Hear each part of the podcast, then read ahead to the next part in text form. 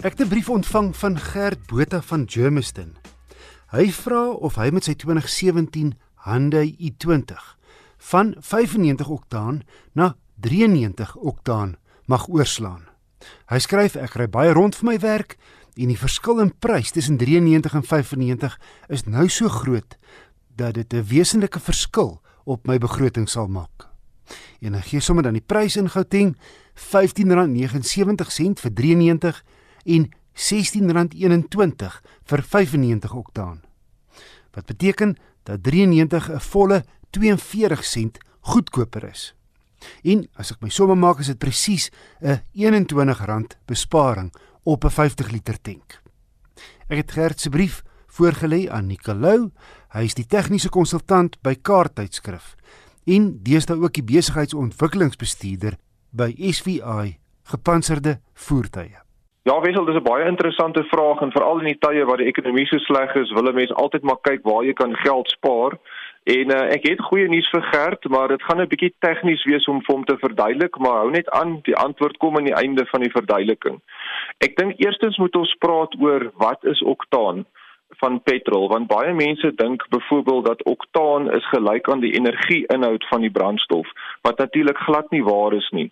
93 oktaan en 95 oktaan uh, petrol het presies dieselfde energieinhoud. Die verskil is oktaan is die ehm um, spesifikasie wat vir jou sê hoeveel weerstand die brandstof of die petrol dan bied teenoor in Engels noem mense dit auto ignition of knock. In Afrikaans kan mense dit seker noem klop En dit is daai proses wat gebeur in 'n petrol enjin waar die brandstofmengsel van self aan die brand slaan, eintlik ontplof en jou enjin baie skade kan berokken. Onthou net as brandstofmengsel gewoonlik deur die vonkprop aan die brand gesteek word, is dit 'n mooi egalige proses om energie uit die brandstof uit te kry. Maar as ons praat van hierdie auto ignition of knock, dis 'n baie skadelike proses wat in alle tye moet vermy word in 'n engine. So kom ons kyk bietjie. By die kus kry mens natuurlik net 95 oktaan, maar dan in Gauteng het jy die keuse tussen 93 en 95 oktaan. Nou die rede hoekom daar 'n keuse is is oor die hoogte bo seevlak. As ons bietjie kyk, Johannesburg is omtrent 1700 meter bo seevlak en dit wil ook vir jou dan wys dat die lugdruk is dan 17% laer as by die kus.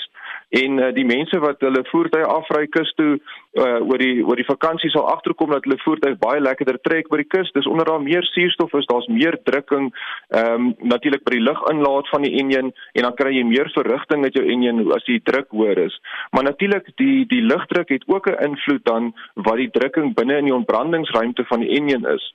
So, as jy dan op die ehm um, hoofveld ry met jou voertuig, dan is die lugdruk heelwat laer. As jy nie 'n turbo op jou enjin het nie, dan is daai lugdruk dan ook laer in jou verbrandingsruimte, wat beteken die kans dat jy daai auto ignition of knock kan kry is heelwat laer. Want onthou, dit gebeur net ten vollas as jy daai petrol plat trap, die hoogste drukke, die hoogste temperature, dan kan daai proses plaasvind.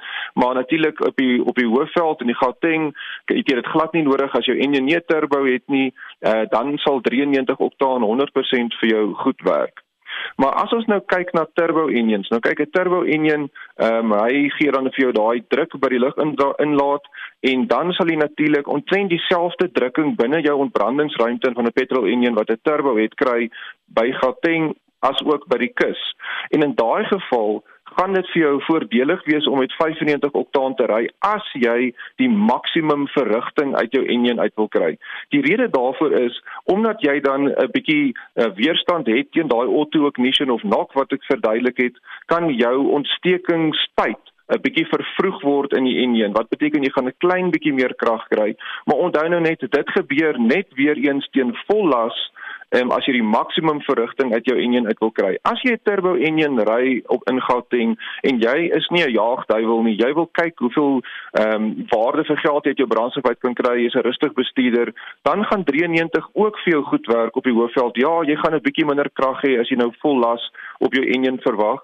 Maar ehm um, soos ek sê, die voordeel is dat jy gaan heelwat spaar as dit by jou maandelikse brandstofuitgawe kom. En uh, ja, die goeie nuus dan nou vir Gert is hy ry 'n Hyundai i20 wat nie 'n turbo aanjaar het nie. So vir hom is daar 'n maklike keuse om te maak. Hy kan net sowel met 93 ry. Ehm um, dit gaan geen invloed op sy motor se verrigting hê nie. Met die huidige petrolprys kan hy 41 sent per liter spaar, wat daarom definitief nie te versmaai is nie. So antwoord Nicolou, die tegniese konsultant by Kaarttydskrif en hy's ook die besigheidsontwikkelingsbestuurder by SVI gepantserde voertuie. Stuur gerus enige motorverwante navrae aan my. My e-posadres is wissel@rsg.co.za. Volgende week weer 'n padtoets. 'n Toyota Corolla luikerig kom aan die beurt.